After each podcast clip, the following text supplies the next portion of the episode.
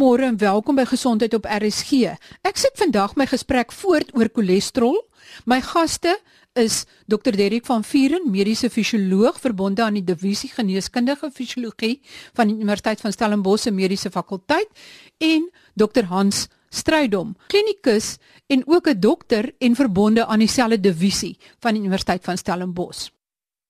Ek wil net vinnig opsom die belangrikste aspekte van verlede week se gesprek oor cholesterol. In die eerste plek is daar is twee begrippe as mens dink aan cholesterol. In die eerste plek is daar die cholesterol molekule. Dit is 'n klein vetmolekuule wat in jou liggaam voorkom en wat die voorloper is van verskeie hormone. En dan is daar die tweede begrip oor cholesterol is die cholesterol vlakke wat in jou bloed gemeet word. Dit is nie die vlakke van die cholesterol molekuule wat in die bloed gemeet word. As die patologie laboratorium jou uitslag stuur en hulle sê die vlakke van HDL, LDL of jou totale cholesterol is te hoog of te laag, dan beteken dit dat dit eintlik 'n hele vervoermiddel van jou cholesterol is. Kom ons verduidelik dit so. Jou cholesterol molekule is 'n vetmolekule wat in jou bloed vervoer moet word. Maar die enigste manier wat vir dit vervoer kan word is wanneer dit in 'n ander groter partikel verpak word. Daai partikel word 'n lipoproteïen genoem en hy is eintlik maar die vervoermiddel, 'n bus waarin die cholesterol molekule as 'n passasier klim. Die een bus is die LDL bus. En dit vervoer die cholesterol passasier na die selle toe. Dan is daar 'n tweede bus wat die cholesterol molekules oplaai as passasiers en dit terugvat na die lewer toe waar dit verwerk kan word en dan uitgeskei kan word.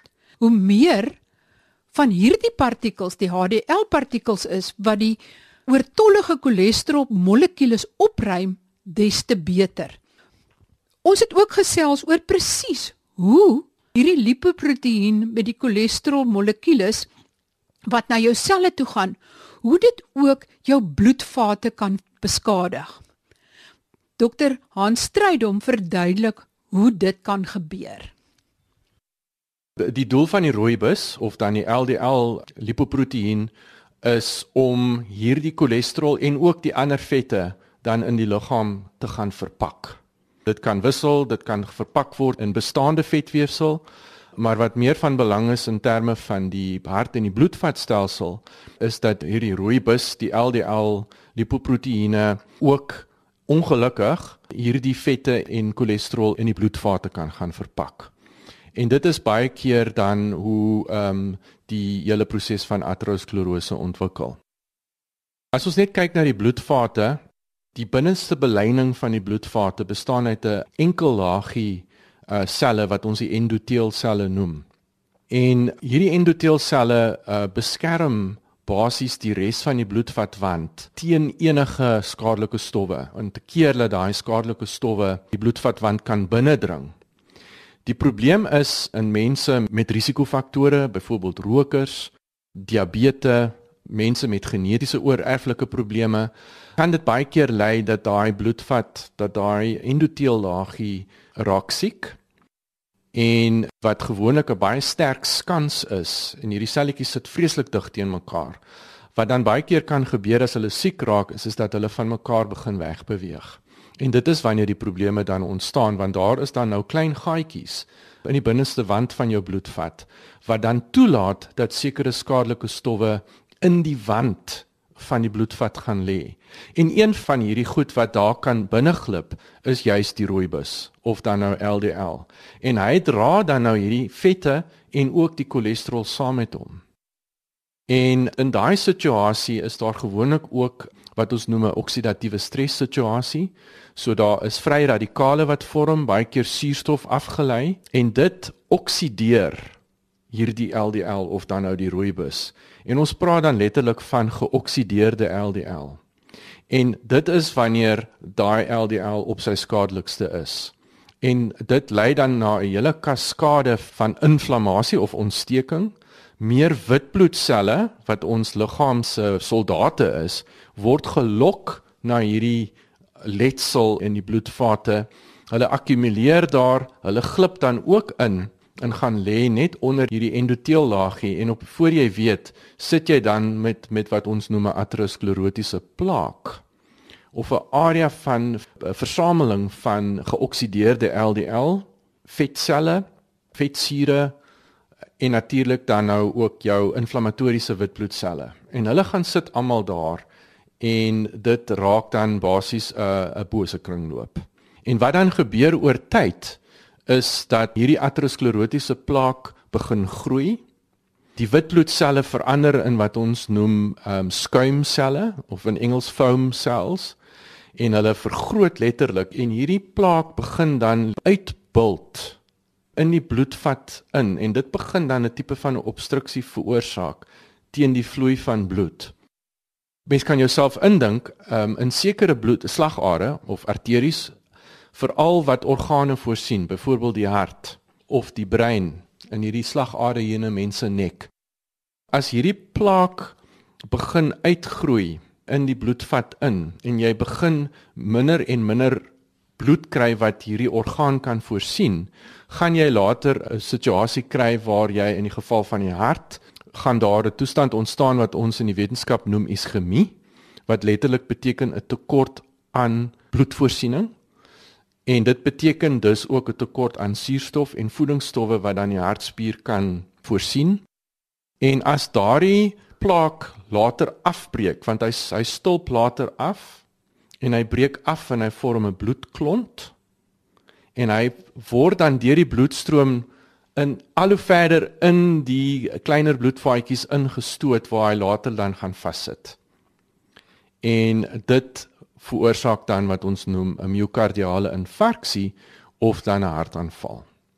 Net om vinnig weer op te som, die rooibus, die LDL is een van 'n klomp molekules wat in in 'n beskadigde bloedvatwand die bloedvatwand kan binnendring en daar akkumuleer saam met witbloedselle en hierdie plaket of plaak vorm groei oor tyd hy breek later af hy word dan deur die bloedstroom geforseer in 'n kleiner bloedvaatjie waar hy laterlik letterlik gaan vassit en 'n totale afsluiting van die bloedvoorsiening veroorsaak en dit is wat byvoorbeeld ook met 'n beroerte kan gebeur as die endoteellaag die skans solied is dan kan die rooibus maar daar ry, hy gaan nie kan ingaan nie. Maar wat is die faktore wat daai oorspronklik daai endoteellaagie verswak? Dit is 'n proses wat oor baie baie jare plaasvind. Dit is nie iets wat oornag plaasvind nie. So dit is gewoonlik mense wat al van 'n redelike jong ouderdom ehm um, nie 'n baie gesonde lewenstyl lei nie aan die een kant of mense wat ongelukkig genoeg genetiese oorerwing het wat geen medikasie in die wêreld die proses sal kan omkeer nie. So dit is 'n dis 'n langdurige proses wat baie keer begin met um, inflammasie, laaggraadse ontsteking waar witbloedselle maar gelok word en witbloedselle skei 'n klomp klein molekules af wat amper soos hormone is wat ons noem sitokine en hierdie sitokine stuur dan boodskappe vir nog witbloedselle om te kom en, en hulle plak letterlik saam rondom hierdie siek endoteelselle. En die endoteelselle self skei dan ook op hulle oppervlaktes proteïene of molekules af wat aan bloedselle gaan vassit. Ons noem hulle adhesiemolekules. Hierdie hele proses wat oor jare plaasvind, verswak dan hierdie verbindings wat tussen die endoteelselle uh, plaasvind. So trek hulle dan met tyd letterlik weg van mekaar. Mens kan amper dit beskou as dat hulle uh, op 'n manier begin bietjie krimp. En soos wat hulle dan nou wegtrek van mekaar, ontstaan daar dan hierdie gaatjies wat allerlei skadelike molekules in die bloedvatwand kan inbeweeg.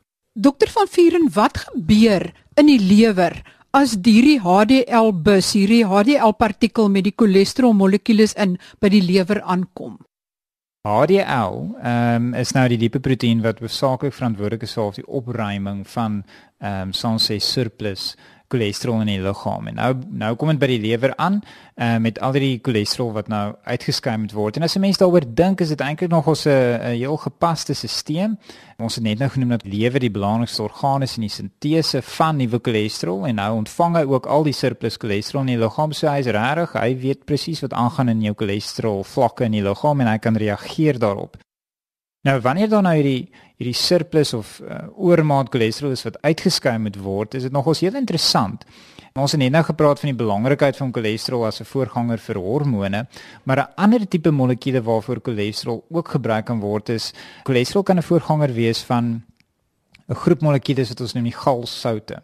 En dit is nou waar hierdie surplus cholesterol inkom. Dit word in die lewer omgeskakel na galsoute toe. En galsoute is interessante molekuulietjies want hulle het die vermoë om in beide vetterige omgewing op te los, maar ook in 'n waterige omgewing op te los. So wat gebeur is die lewer vat die cholesterol maak galsoute en hierdie galsoute en ook van die cholesterol wat glad nie verwerk is en dit is nog steeds die 8 um, ehm, hidrokoolstofring struktuur beland dan in die galblaas. En wanneer jy nou 'n vetterige maaltyd eet, gaan hierdie galblaas dan hierdie gal afskei en hierdie galsoute gaan dan eintlik deelneem aan die verteringsproses van die volgende stel vette. En wat galsoute doen is hulle help om om om die vet wat jy nou in jou wat jy nou geëet het en wat nou opeindig in die spysverteringskanaal spesifiek in die dun darm af te breek in kleiner vetdruppeltjies in. So cholesterol is nie net 'n belangrike voorganger van die steroïdes nie, maar is eintlik ook 'n belangrike voorganger van galsoute en galsoute vervul 'n belangrike funksie in die vertering van vet in die spysverteringskanaal. Maar as hulle dan iemand se galblaas uithaal, hoe affekteer dit dan daai spysverteringsproses? Pasiënte wie se galblaas verwyder moet word, het definitief aanpassings wat hulle moet doen in hulle dieet, want daar is dan 'n probleem hulle liggaam kan nie meer so so suksesvol vette verteer nie. Daai pasiënte sal vir mense sê dat hulle hulle is nie meer so goed om vetterige maaltye te tolereer nie. Beteken nie hulle kan dit glad nie meer eet nie. Maar uh, hulle liggame gaan baie vinnig vir hulle sê om die vetinhoud van hulle kos te verlaag. Andersins raak hulle soos wat wat 'n mens noem galsterig. Dit is 'n baie onaangename situasie as jou liggaam nie ordentlik die vette kan verteer in die spysverteringskanaal nie. Maar verder is daar nie eintlik dramatiese uh implikasies nie. As die lewer dan nou betrokke is by die vervaardiging van cholesterol en hier kom oortollige cholesterol terug. Hoekom hou hy nie op om cholesterol te vervaardig nie? Ehm um, dit is 'n baie goeie vraag daardie. Ons is nie 100% seker nie. Ons weet dat daar is sekere meganismes waar volgens die lewer inderwaarheid kan meet hoeveel cholesterol daar binne in hom is en as daar ten minste teoreties te veel cholesterol binne in die lewer is, gaan dit die produksie van nuwe cholesterol inhibeer. So op papier ten minste is hierdie stelsel veronderstel om baie goed te werk en jou en jou lewer gaan nooit te veel cholesterol produseer nie. Ongelukkig gebeur dit tog soms dat hierdie stelsel blykbaar nie 100% werk nie, moontlik vir sekere genetiese redes of wat ook al, sodat sekere elemente in jou dieet, versadigde vetsure moontlik dit dan nou dryf dat dat die stelsel nie heeltemal sensitief genoeg is nie. 'n Voorbeeld dalk wat mooi illustreer wanneer die stelsel nie werk nie, is sekere forme van familiale hipercholesterolemie waar die probleem in daardie in sekere forme van familiale hipercholesterolemie het te doen met die feit dat die lewer nie effektief cholesterol kan opneem nie. So nou kan hy nie meer meet hoeveel cholesterol is in die bloed nie en nou begin hy net meer en meer cholesterol maak. So dit is 'n mooi voorbeeld van waar daar is eintlik 'n meganisme waar volgens die lewer sy eie cholesterolproduksie veronderstel om te beheer en as dit skeefloop dan werk daardie stelsel nie meer en dan in hierdie geval spesifiek gaan die lewer heeltemal mal en hy maak veel te veel cholesterol. Maar ja, ek sien heeltemal seker hoekom dit onder normale vir vir mense wat nou nie 'n genetiese predisposisie het nie, is ek nie seker hoekom die lewer nie absoluut op die kop 100% die cholesterol vlakke so mooi kan reguleer altyd nie. Lyk my ons moet maar die lewer help deur reg te eet en oefening te doen en nie te groot las op hom te plaas nie. Ek wil net vinnig terugkom na trigliserides. Wat is die belang daarvan? Ek verstaan dat dit selfs skade aan die pankreasselle kan aanrig as die vlakke te hoog is. So trigliserides is net om te begin, dit is eintlik maar die vorm van hoe ons meeste van die vette in ons liggaam inkry. Het sy plantvette of diervette, so botter, room, vette en melk, vleis en soos Derek nou nog praat het van die skaap choppy en die plantolies, sonneblomsaadolie, al daai, dit is eintlik maar daai druppelagtige weergawe van die vetkomponent van al hierdie olies in vette is maar eintlik trigliseriede. So die trigliseriede verwys maar net na die chemiese struktuur. En dit is die tipe van vetmolekuul waarmee ons liggaam en sy metabolisme uh, kan werk. Uh, daar is natuurlik ander forme afhangende van die chemiese struktuur. So die trigliseriede word in die kliniese omgewing as 'n baie sterk merker van kardiovaskulêre risiko gebruik. En jy is heeltemal reg dat die trigliserides kan ook die pankreas nadelig beïnvloed. So ja, oormatige hoeveelhede trigliserides kan by, onder andere byvoorbeeld eh, ontstekingsprosesse in die pankreas laat ontstaan wat ons dan praat van pankreatitis. By die afbraak van die trigliserides na hulle boustene en die boustene is is gliserol en dan het uh, ook die vetsure. Dit is die vetsure wat baie keer die skade veroorsaak. Aan die een kant trigliseriede, dit is wat ons eet. Dit is die die mees algemene tipe vet molekuul wat ons liggame inneem en wat deur die liggaam verwerk word. Groot dele daarvan word verpak in in in ons liggaam se vetselle onder die vel rondom die organe. Dit is ook baie keer wat die boepie veroorsaak, die bierboepie. hy kan gedeponeer word in ander organe en soos ek sê as hy begin afgebreek word in sy komponente en 'n baie vetsure word vrygestel dan um, kan dit natuurlik ook tot skade lei die vetsure kan dan ook allerlei uh, toksisiteit vir selle in die liggaam veroorsaak en en metabooliese paaie. Dokter Strydom, as mens nou dink aan banting, wat professor Nouk sê is dat mens moet heeltemal koolhidrate uitsny of baie min koolhidrate eet dat vette in die bloed eintlik nie gevaarlik is nie. En hy het selfs op 'n tyd gesê dat dit maak eintlik glad nie saak wat jou cholesterol of jou HDL of LDL vlakke is nie. Dat die suiker wat jy inneem is die groot gevaar. Hoe moet ons dit verstaan? Is dit korrek so? Daar is beslis meriete in daai kom ek noem dit nou maar hipotese. Jy weet in die wetenskap is dit uh, moet 'n mens baie ver gedruk word om te sê iets is korrek of iets is nie korrek nie. So ek gaan eerder nie op daai ene antwoord nie. Maar uh, daar is definitief meriete en ek dink suiwer uit 'n fisiologiese oogpunt uh, soos wat hy ook redeneer in in baie van sy in baie van sy publikasies is dat fisiologies is die mens eintlik maar 'n dier en diere het millennia gelede nie suiker geëet nie. En um, eintlik basies vleisetend gewees en dus dan ook vette. So ek dink daar is wel 'n punt te maak in terme van net hoe ons fisiologie georganiseer is.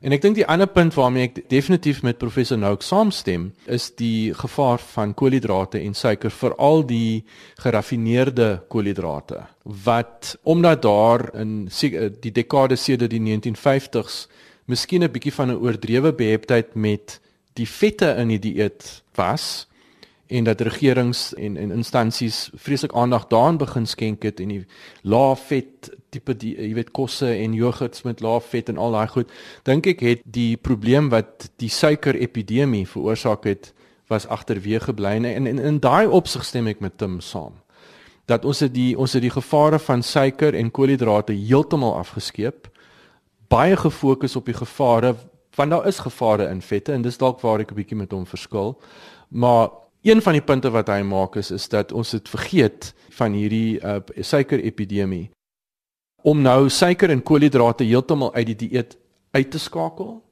kan ek ook nie meer saamstem nie. Ek bly maar by die ou skool se gebalanseerde dieet. Jy weet die koolhidrate moet daar wees, die vette moet daar wees en die proteïene moet daar wees.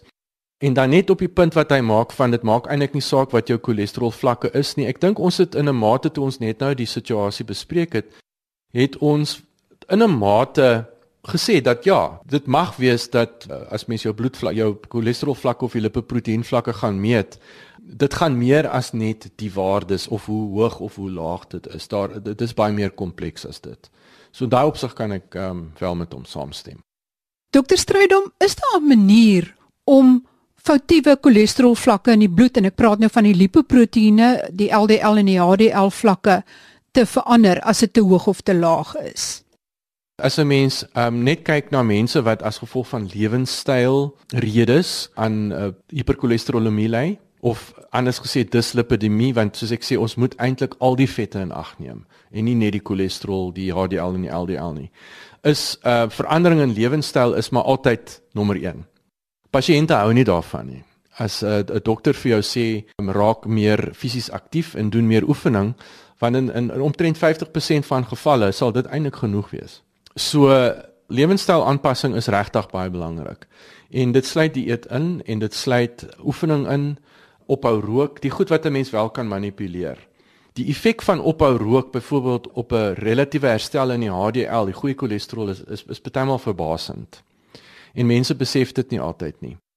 Oefening is is goed vir enige kardiovaskulêre verwante en metabooliese verwante siekte. Daar's baie uh, hipoteses oor wat doen oefening nou spesifiek.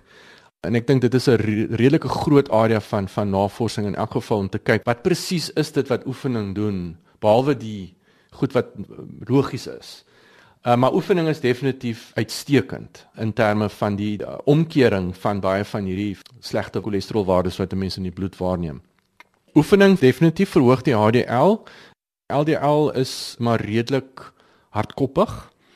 Maar definitief in terme van die HDL en natuurlik ook net in terme van jou liggaam se totale vetmassa verlaag. Met ander woorde, soos wat jou totale vetmassa verlaag in die liggaam. En ek praat nou van die buikvet en die vet rondom organe, dit dit word definitief deur oefening geaffekteer positief.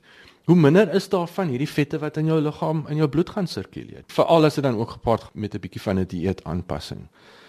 Daar is eintlik baie goeie medikasie op die mark en omdat daar soveel honderde miljoene dollars se geld oor dekades lank ingegaan het in medikasie farmaseutiese uh, produkte vir cholesterol. Ek dink die een waarvan meeste luisteraars waarskynlik weet is die is die groep wat ons noem die statins wat eintlik gevind is om heel effektief te wees in die ehm um, vermindering of verlaging veral in LDL. Daar is ook sekere statins wat selfs 'n bietjie die goeie cholesterol kan opstoot. So die statins is eintlik baie effektief. Maar mens moet baie seker maak dat jy dit vir die regte pasiënt gee. Natuurlik as jy dit vir 'n uh, vir pasiënte gaan gee wat nie ook gaan werk aan hulle lewenstyl nie, gaan die statins nie so effektief wees nie of in in mense wat aanhou rook. So jy weet die statins moet nog steeds as deel beskou word van 'n hele pakket van behandelingsopsies. Interessant genoeg, die statins ons weet nou dat die statins nie net suksesvol daarin is om die uh, sintese of die maak van cholesterol 'n bietjie jy weet te verlaag nie. Die maak van cholesterol in die lewer. Die cholesterol molekuul wat natuurlik nou op die einde in jou bloed gaan beland en éventueel in die LDL gaan beland en dan in jou bloedvat wand gaan beland. So dit is die die statins aanvanklik was ontwerp om in die lewer die seker van die ensieme te manipuleer of af te skakel wat die natuurlike produksie van die cholesterol molekuul behartig in ons liggaam. Maar die statins se sukses is weet ons nou en daar was 'n bietjie navorsing ook uh, uit ons groep uh, voormalige PhD student wat eintlik baie mooi gewys het dat die statins heeltemal onafhanklik van sy effekte op die cholesterol baie baie beskermend is vir hierdie endoteelselletjies wat ons in die binnekant van die bloedvatwand vind deur hulle te versterk en um gesond te hou. Dokter Strydom, as jy 'n finale boodskap aan die luisteraars kan gee, wat sal dit wees? Ek dink die luisteraars moet besef dat mens moet onderskeid tref tussen die twee terme. En ongelukkig is dit nou so dat die leuke in ons wetenskaplikes maak ook maar die fout. Maar mens moet net baie duidelik weet waarvan jy praat as jy sê cholesterol. My cholesterol is dit of dat. Praat ons van die lipoproteïene, so of die busse waarvan jy gepraat het vroeër of praat ons van die cholesterol molekuul? As cholesterol molekuul op sy eie is 'n goeie molekuule en dit maak hormone en dit is deel van ons van ons selmembrane en dit soos soos Derek ook nou nog genoem het help met die vertering selfs dan nou op indirek die HDL en die LDL ons moet aandag daaraan skenk veral as ons 'n familiegeskiedenis het en as die, uh, HDL te laag is of die LDL te hoog is en daar is 'n familiegeskiedenis en ons het ook ander risikofaktore dan dink ek moet ons beslis um iets daaraan doen en en uh, 'n uh, klinikus gaan spreek. Dit is aan al vir hierdie week. Volgende week gesels ek oor die paratiroïed.